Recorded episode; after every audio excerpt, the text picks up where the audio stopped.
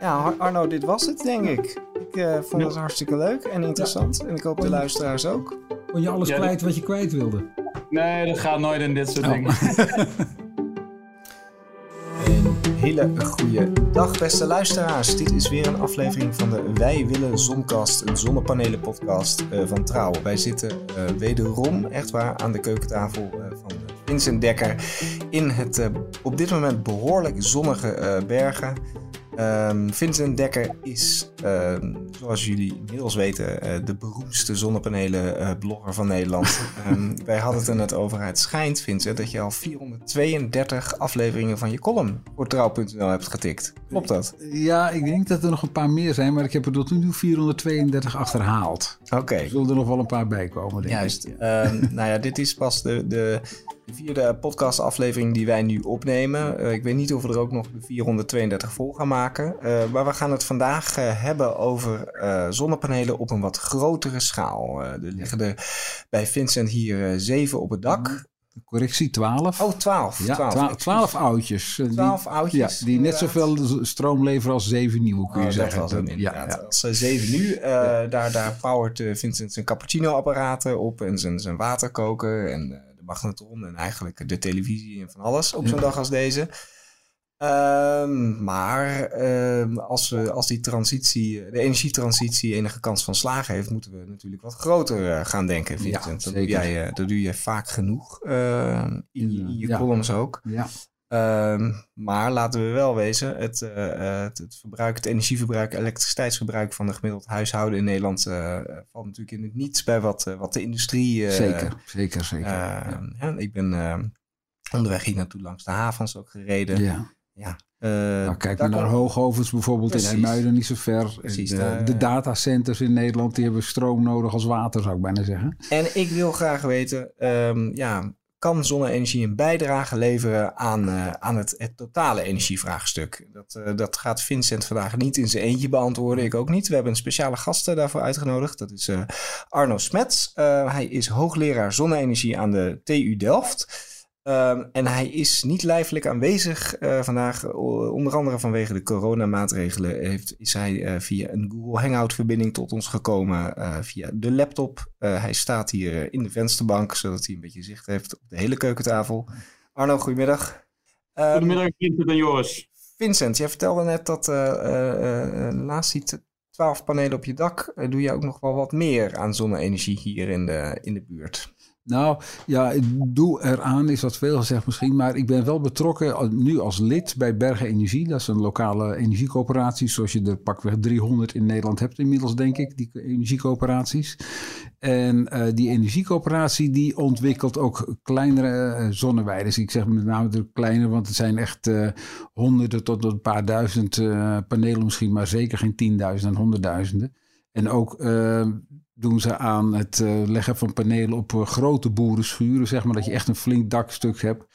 En dan proberen ze die panelen uh, als het ware onder te brengen bij de bewoners van bergen, die dan op die manier eigenlijk hun eigen energie kunnen uh, opwekken, maar dan geen, zelf geen goed dak hebben en daarvoor in ruil op die plek, zeg maar, in de wei of op zijn schuur een, een paar panelen hebben liggen. En, en, ga jij dan op zoek naar uh, grote, grote loodsen of schuren in de buurt en vraag je dan de eigenaar van mogen wij met onze coöperatie uh, panelen op het dak gaan leggen? Of hoe gaat dat precies in zijn werk? Ja, nou dat, dat doe ik zelf niet. Dat doen anderen die dat zeg maar ja, uitzoeken waar het, waar het slim is en zo. En dat doet ook uiteraard in samenwerking met de gemeente als het om een zonneweide gaat. Want er is er nu uh, één kleine, heel kleine proefzonneweide geweest op een stuk vervuilde grond. En er vlak naast is een wat grotere zonneweide gekomen. En er zijn plannen bijvoorbeeld voor een grote zonneweide op een vroeger terrein voor uh, de vuilstort en zo.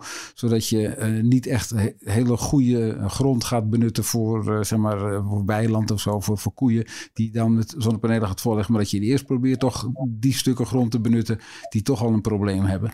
En uh, hoe groot moet ik uh, denken? Hoe groot zijn die zonneweiders? Nou, de, de, de grootste op dit moment in Bergen is het is hier vlakbij mij, in feite een paar kilometer verderop. Dat is denk ik, uh, wat ik al zei, iets van, van duizend panelen of zo. Stuk, ik moet het even uit mijn hoofd zeggen hoor, maar ik denk van enkele tientallen meters breed, een paar honderd meter, 200 meter lang of zo. Ja, ja. Ah, ja. Dat, en dat, dat legt al wat dat geeft wat meer stroom af dan die panelen hier op je dak. Ja, bij elkaar leveren die stroom voor nou enkele honderden, denk ik, minstens woningen, huizen hier. Ja. ja.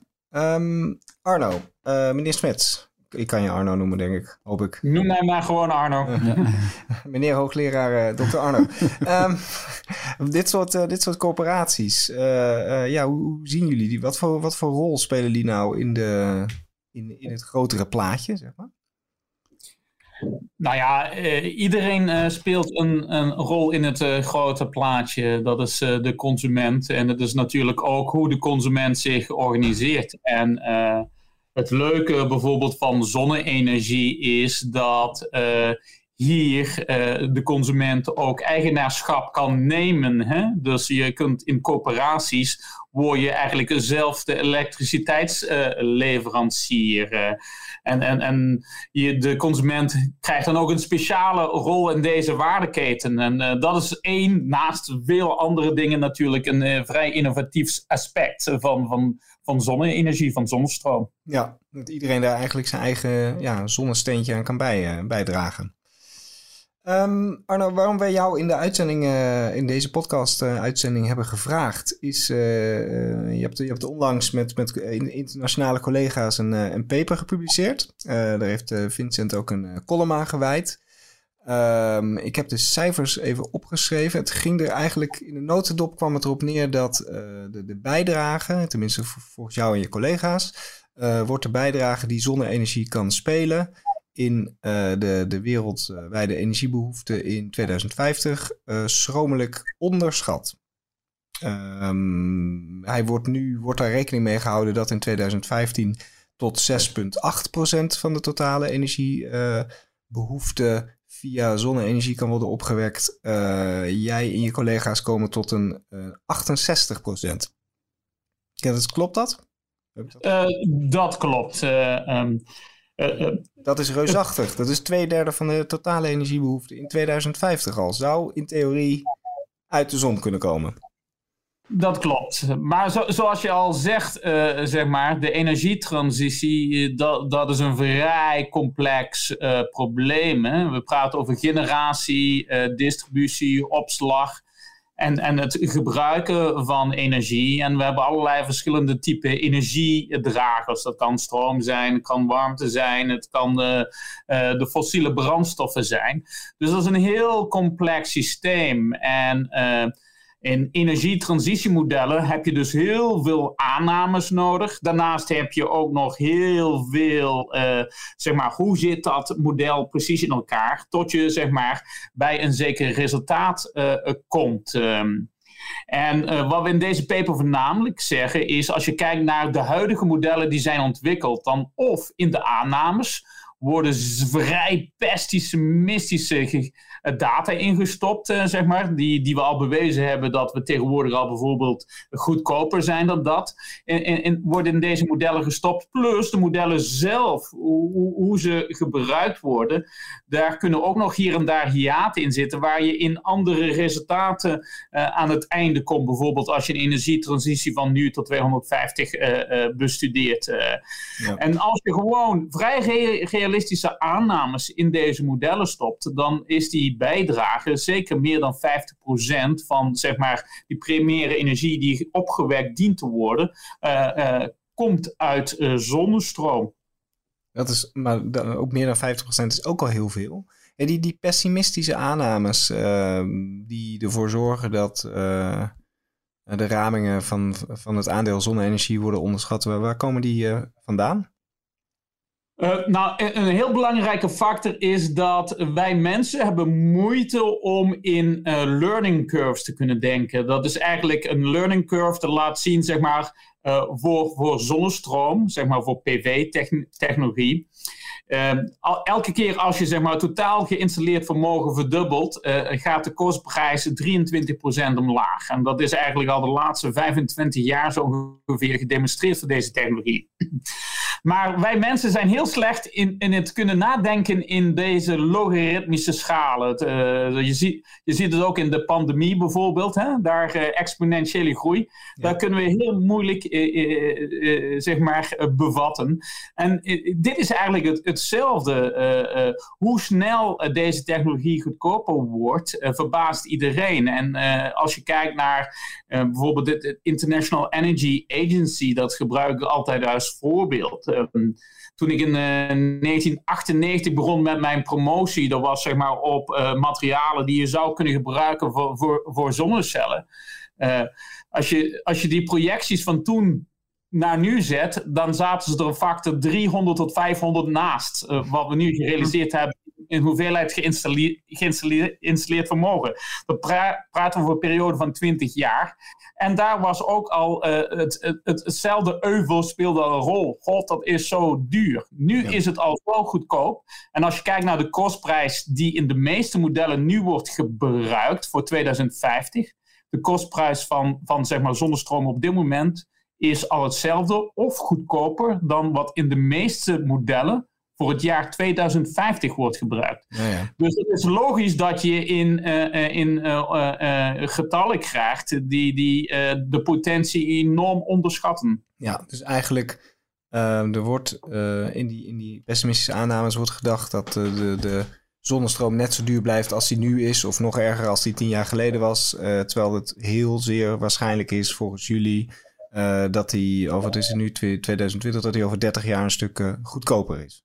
Ja. Heel goedkoop. Plus er wordt iets aangenomen inderdaad dat door uh, de ontwikkeling van technologie, technologie wordt beter, uh, supply chains worden efficiënter en natuurlijk de opschaling van de productie, uh, installatie worden we slimmer, de reliability, dus zeg maar hoe lang een product meegaat. Al, al, deze dingen worden beter, waardoor het steeds, steeds goedkoper wordt. En zeg maar gewoon dat het nog steeds goedkoper blijft worden, wordt ook niet meegenomen. Ja. Ehm, dan blijft nog de vraag, uh, daar, daar heb je een aardig wat panelen voor nodig. Waar we die panelen gaan neerleggen. Uh, daar wil ik het ook graag uh, met jou over hebben. Um, verbeter me echt als ik verkeerd zit in mijn cijfers. Maar volgens mij komt er uit jouw. staat ergens in het paper dat om die 68% van de wereldwijde energiebehoefte in 2050 te voorzien. de panelen geplaatst moeten worden op 0,3% van het landoppervlakte van de aarde. Dat klopt? Dat klopt, ja. Ik, heb, ja. ik heb even snel doorgerekend. Uh, uh, dat is uh, zo'n twaalf keer Nederland nog altijd. Ja, dat zijn grote oppervlaktes. Dat ja. zijn grote. Ik ben, ik, kijk, ik, Mag ik het relativeren? Ja, alsjeblieft. Ja, ja, ja, maar Nederland is heel klein. Hè? Ja, dat wou ik net zeggen. Wel heel klein, ja, ja. toch? Ik, ik heb al, al, jaren geleden was er een, heel deskundig ogend onderzoek van Amerikanen die zeiden zonne panelen kunnen nooit echt veel bijdragen. Want als je de energievoorziening van alleen de Verenigde Staten uh, wilt uh, regelen met zonnepanelen, dan heb je een landoppervlakte nodig zo groot als Nederland, werd er letterlijk gezegd. Dat was een mooie vergelijking. Een hele land moest je volleggen. En dat klinkt natuurlijk wel indrukwekkend, maar als je dan heel Nederland neerlegt op Texas, dan denk je, ach, dat stukje kan Texas best missen. Ja. En ook twaalf keer Nederland is nog niet eens heel Texas. Maar waar gaan we die dan, uh, dan leggen? Leggen we die op zee? Leggen we die uh, in het paper wordt ook uh, gesproken over ja, in het gebieden rond de Evenaar, zeg maar. Ja, waar je, nou, je, je, Joris, je, je hebt geleid. Waar moeten we die neerleggen? En ik, ik grap altijd in mijn colleges hier aan de, aan de universiteit met studenten dat wij wij, wij Nederlanders zijn een vrij arm land. Hè? Want ja, uh, hoge uh, bevolkingsdichtheid. Uh, wij hebben iets van, als je over land op op vlakte praat, wij hebben iets van 500, 2500 vierkante meter landoppervlakte per persoon. Dus dat is 50 bij 50 meter. Daar moeten wij wonen, daar moeten wij onze landbouw, zeg maar ons eten, moeten we daar uh, zeg maar op laten groeien. Daar onze infrastructuur en daar moeten we onze energie op wekken. En, uh, dus in Nederland heb je een probleem. Dat merk je nu al met de discussies. Hè. Waar moeten we op land, moeten we daar windparken neerzetten? Moeten we daar zonneweiden neerzetten? Kunnen we niet beter voor landbouw gebruiken? Deze discussies heb je. Ehm, maar Nederland is ook wel vrij uniek in de wereld, want de meeste plaatsen in de wereld is men rijker dan Nederland in de zin van oppervlakte. Daar is veel meer oppervlakte per persoon beschikbaar. Het is in landen als Nederland waar de discussie heerst. En natuurlijk, waar moet je deze zonnepanelen plaatsen? Ehm, eh, dat, dat is een extra uitdaging die een land als Nederland hebt. Als ik alleen praat over oppervlakte beschikbaarheid. En natuurlijk, dan moet je gaan nadenken. Uh, welke oppervlaktes kunnen we gebruiken? Dus ja, we moeten de bebouwde omgeving al zo efficiënt mogelijk gebruiken. De daken, de façades. Uh, wat hebben we daarvoor nodig? Welke technologie hebben we daarvoor nodig? Daar kun je al, al, alweer winnen. Nou ja, we hebben in Nederland ook water. we hebben een Noordzee. Dus moet misschien moeten zeg maar, uh, grootschalige parken moeten die misschien op wateroppervlakte geïnstalleerd worden in de toekomst. Dus dat zijn allemaal interessante discussies die je specifiek voor deze regio hebt. Maar andere plaatsen in de wereld dat helemaal geen rol speelt.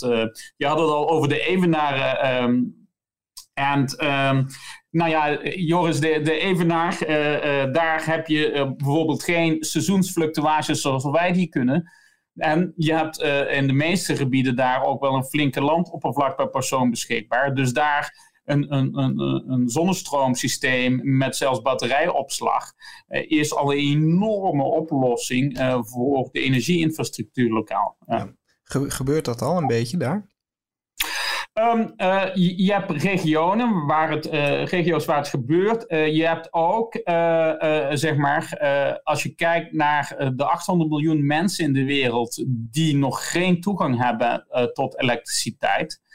Daar is een simpel, zeg maar, zonnestroomsysteem met, met een batterij is de goedkoopste oplossing om deze mensen ook uh, aan te sluiten op elektriciteit. Wat ten eerste de levensstandaard verbetert, maar dat ze ook mogelijkheden geeft om een, uh, zeg maar een business uh, uh, te starten. Klein beetje stroom, bijvoorbeeld. Het, het kan zorgen voor koeling, zodat de vis of de agrarische producten die ze hebben langer behouden blijven. Als je kijkt bijvoorbeeld in, in, in Afrika, daar wordt een derde van het voedsel gaat in de voedselketen uh, verloren, omdat het bederf bijvoorbeeld bij zeg maar, de consument komt.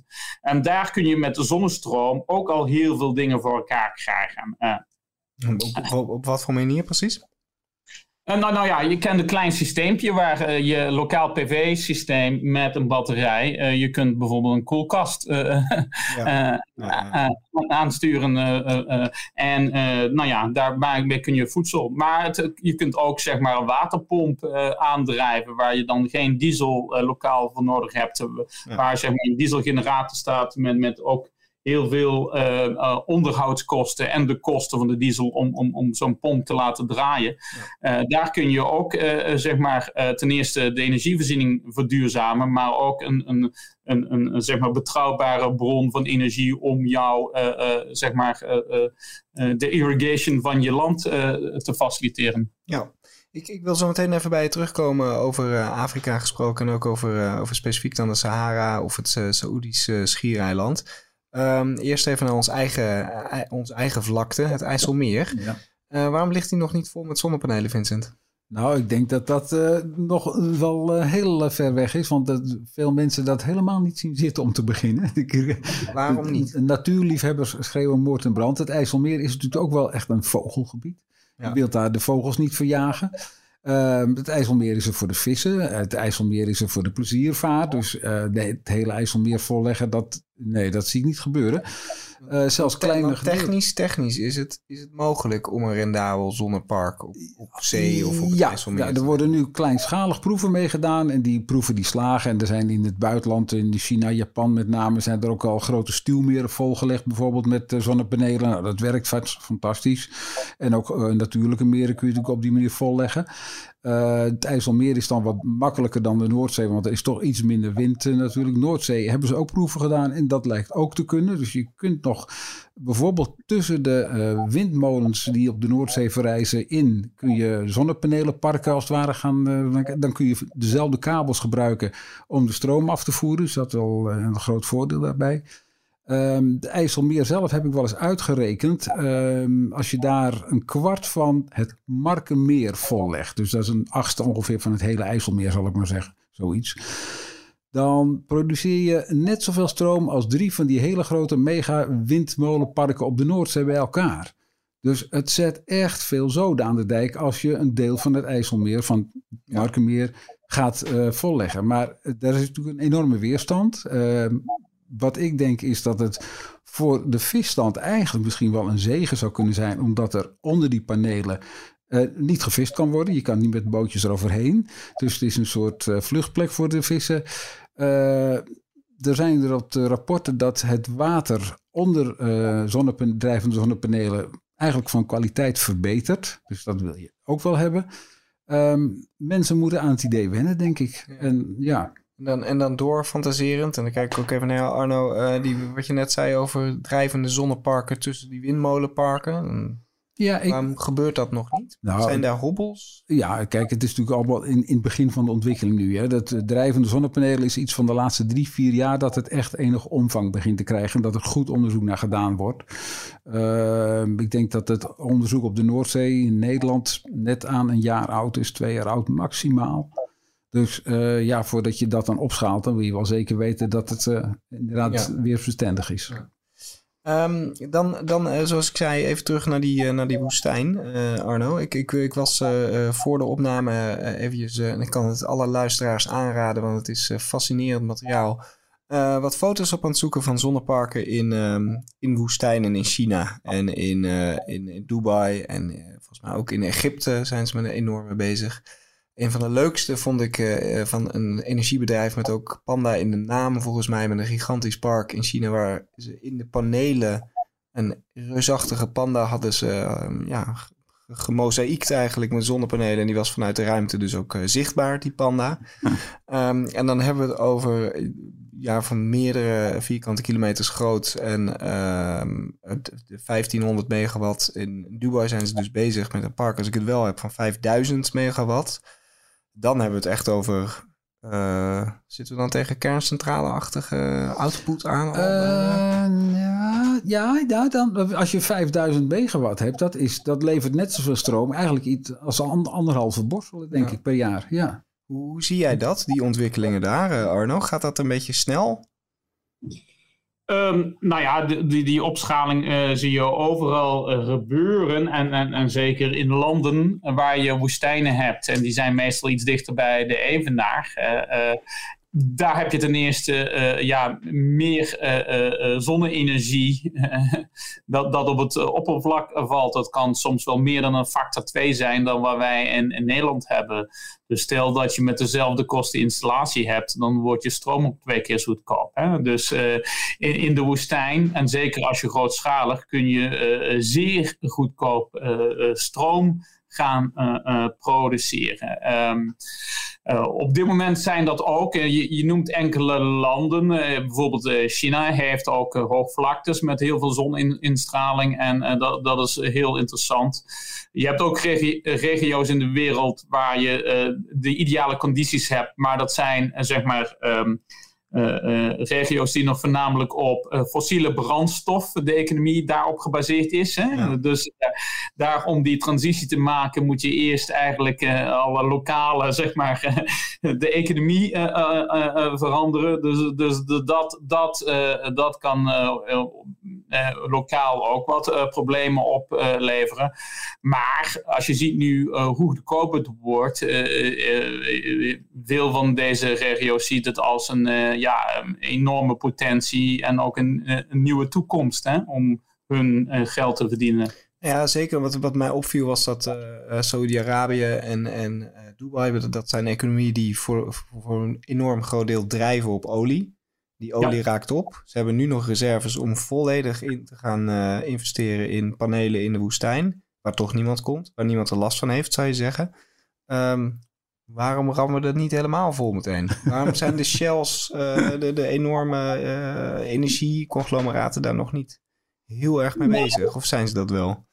Dat zijn ze wel, ook in uh, Saudi-Arabië. Daar, daar wordt nagedacht over, nou, uh, want ze, ze, hebben in principe al de infrastructuur van, van de fossiele industrie. Hè. Ze hebben de, de havens waar olie of fossiele brandstoffen in, in vloeibare vorm wordt verscheept. Dus die infrastructuur bestaat al. Dus je kunt denken aan uh, grote zonneparken die stroom opwekken, spotgoedkoop uh, stroom. En met die stroom via elektrochemische processen kun je bijvoorbeeld uh, water splitsen. Je maakt waterstof. Waterstof kun je dan ook vloeibaar opslaan. dat stop je in een boot en, en, en die boot stuur je naar Europa. Ja, ga ik je heel even, kan, kan je dat heel kort uitleggen voor de leken luisteraars onder ons hoe je elektriciteit verandert in water en weer terug verandert in elektriciteit? Nou ja, je, je hebt eh, waterstof. Waterstof bestaat uit. Uh, of, of, water, sorry. Water bestaat uit uh, waterstof en, en, en, en, zuurstof. en dat kun je splitsen. En dan krijg je de brandstof waterstof zelfs. Dat H2 wordt het ook wel genoemd. En, en, en dat, is een, dat is eigenlijk de groene waterstof. Je, dus ook de discussies die je nu hebt, hè, zeg maar in, in, in groeifonds, investeren groen, in, in, in groene waterstof in Nederland. Uh, het, het voordeel van, van, van bijvoorbeeld eh, Saudi-Arabië is, daar is de stroom spotgoedkoop. Hè? Uh, En stroom is de energiebron, die, uh, dan, dat doen ze via een electrolyzer, zeg maar. Daar kun je stroom omzetten met, met water en waterstof en zuurstof. Dat zijn de twee producten. Waterstof is dan de brandstof.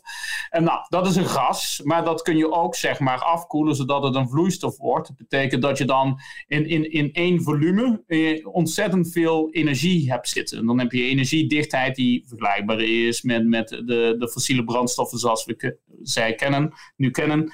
En die kun je dan makkelijk, uh, zeg maar, uh, met de, de, huidige distributiekanalen die we hebben, uh, leidingen of zeg maar boten, hè, ja.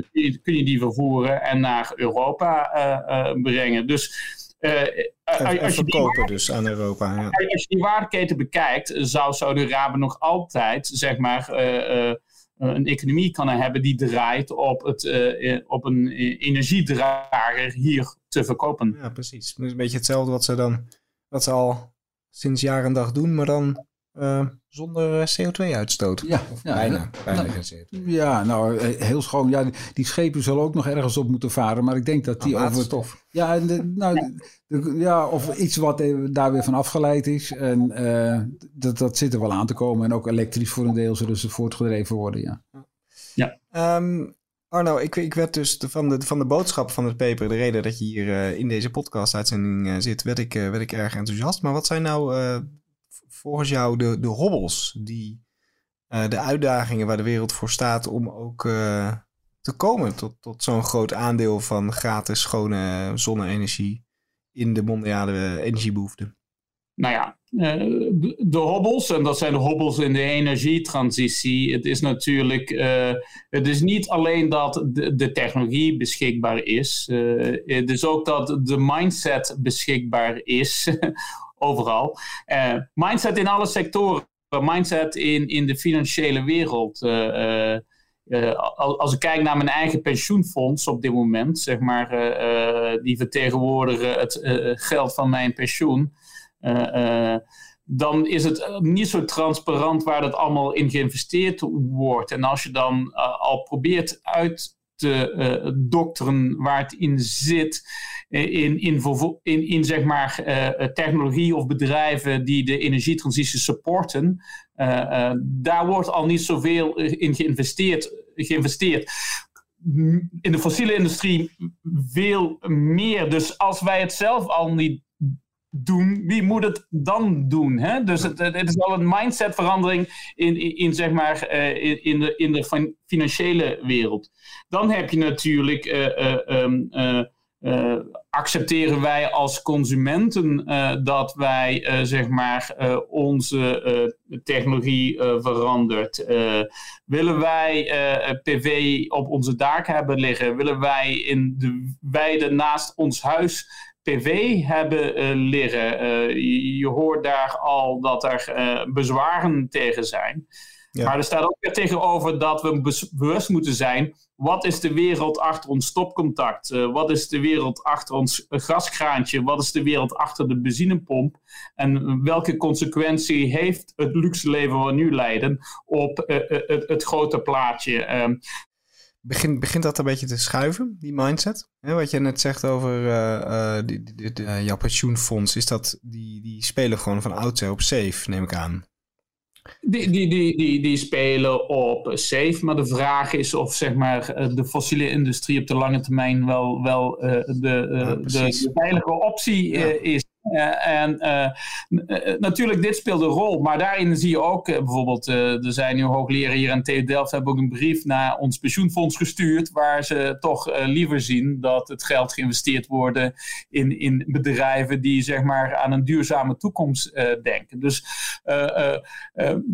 dit soort bewustwording, maar, maar zelfs ook bij degene die het pensioen krijgt, dat zijn dingen die, die zullen ook in de tijd veranderen. Dus je ziet daar allerlei uh, uh, bewegingen. Ja. en al die bewegingen gaan ja, langzaam. Maar je ziet het ook in, in, in hoeveel mensen daar nu al een, een PV-systeem op hun eigen dak hebben liggen. Dat is al totaal anders dan twintig jaar geleden. Dus daar is ook al een mindsetverandering ja. heeft plaatsgevonden. Ja, ja, ja.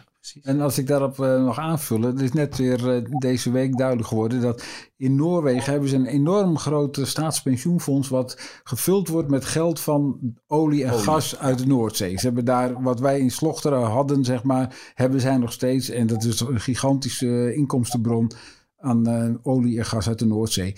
En ja, dat pensioenfonds heeft net deze week besloten dat ze toch maar eens eh, flink wat geld gaan steken in duurzame energieprojecten. Want uh, ze weten niet zeker of dat geld wat ze tot nu toe in de andere fossiele energieprojecten hebben gestoken wel zo rendeert. Dus ja, daar begint het ook in, in het hart van de fossiele industrie zou ik bijna zeggen te draaien. Nou ja, het is wel een interessante dat je Noorwegen noemt. Noorwegen is ook uh, binnen Europa ongeveer koploper wat betreft het uh, elektrificering van het wagenpark. Daar, ja, uh, klopt. rijden volgens mij de meeste elektrische auto's per, terwijl dat het olieland van Europa bij uitstek is. Ja, ja, ja. nou ja, en dat, dat, dat je dus al, al googlend op dat, dat de staatsbedrijven in Dubai zoveel miljarden aan het investeren zijn in gigantische zonneweiden.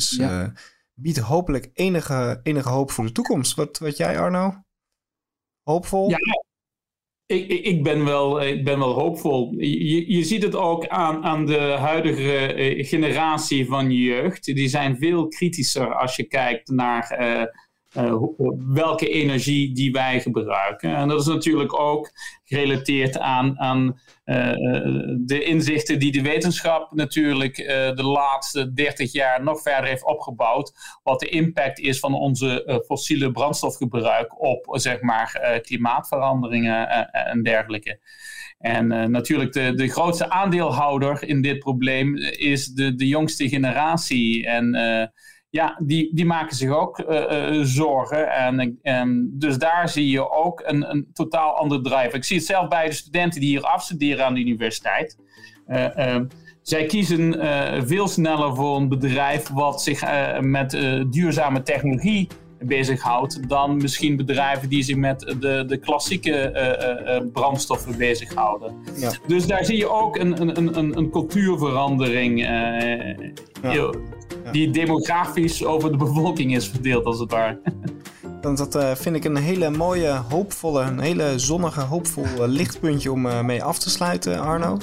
Um, dankjewel, Arno Smets, hoogleraar zonne-energie aan de TU Delft. dankjewel, Vincent Dekker, voor je gastvrijheid wederom aan deze zonnige ja. keukentafel.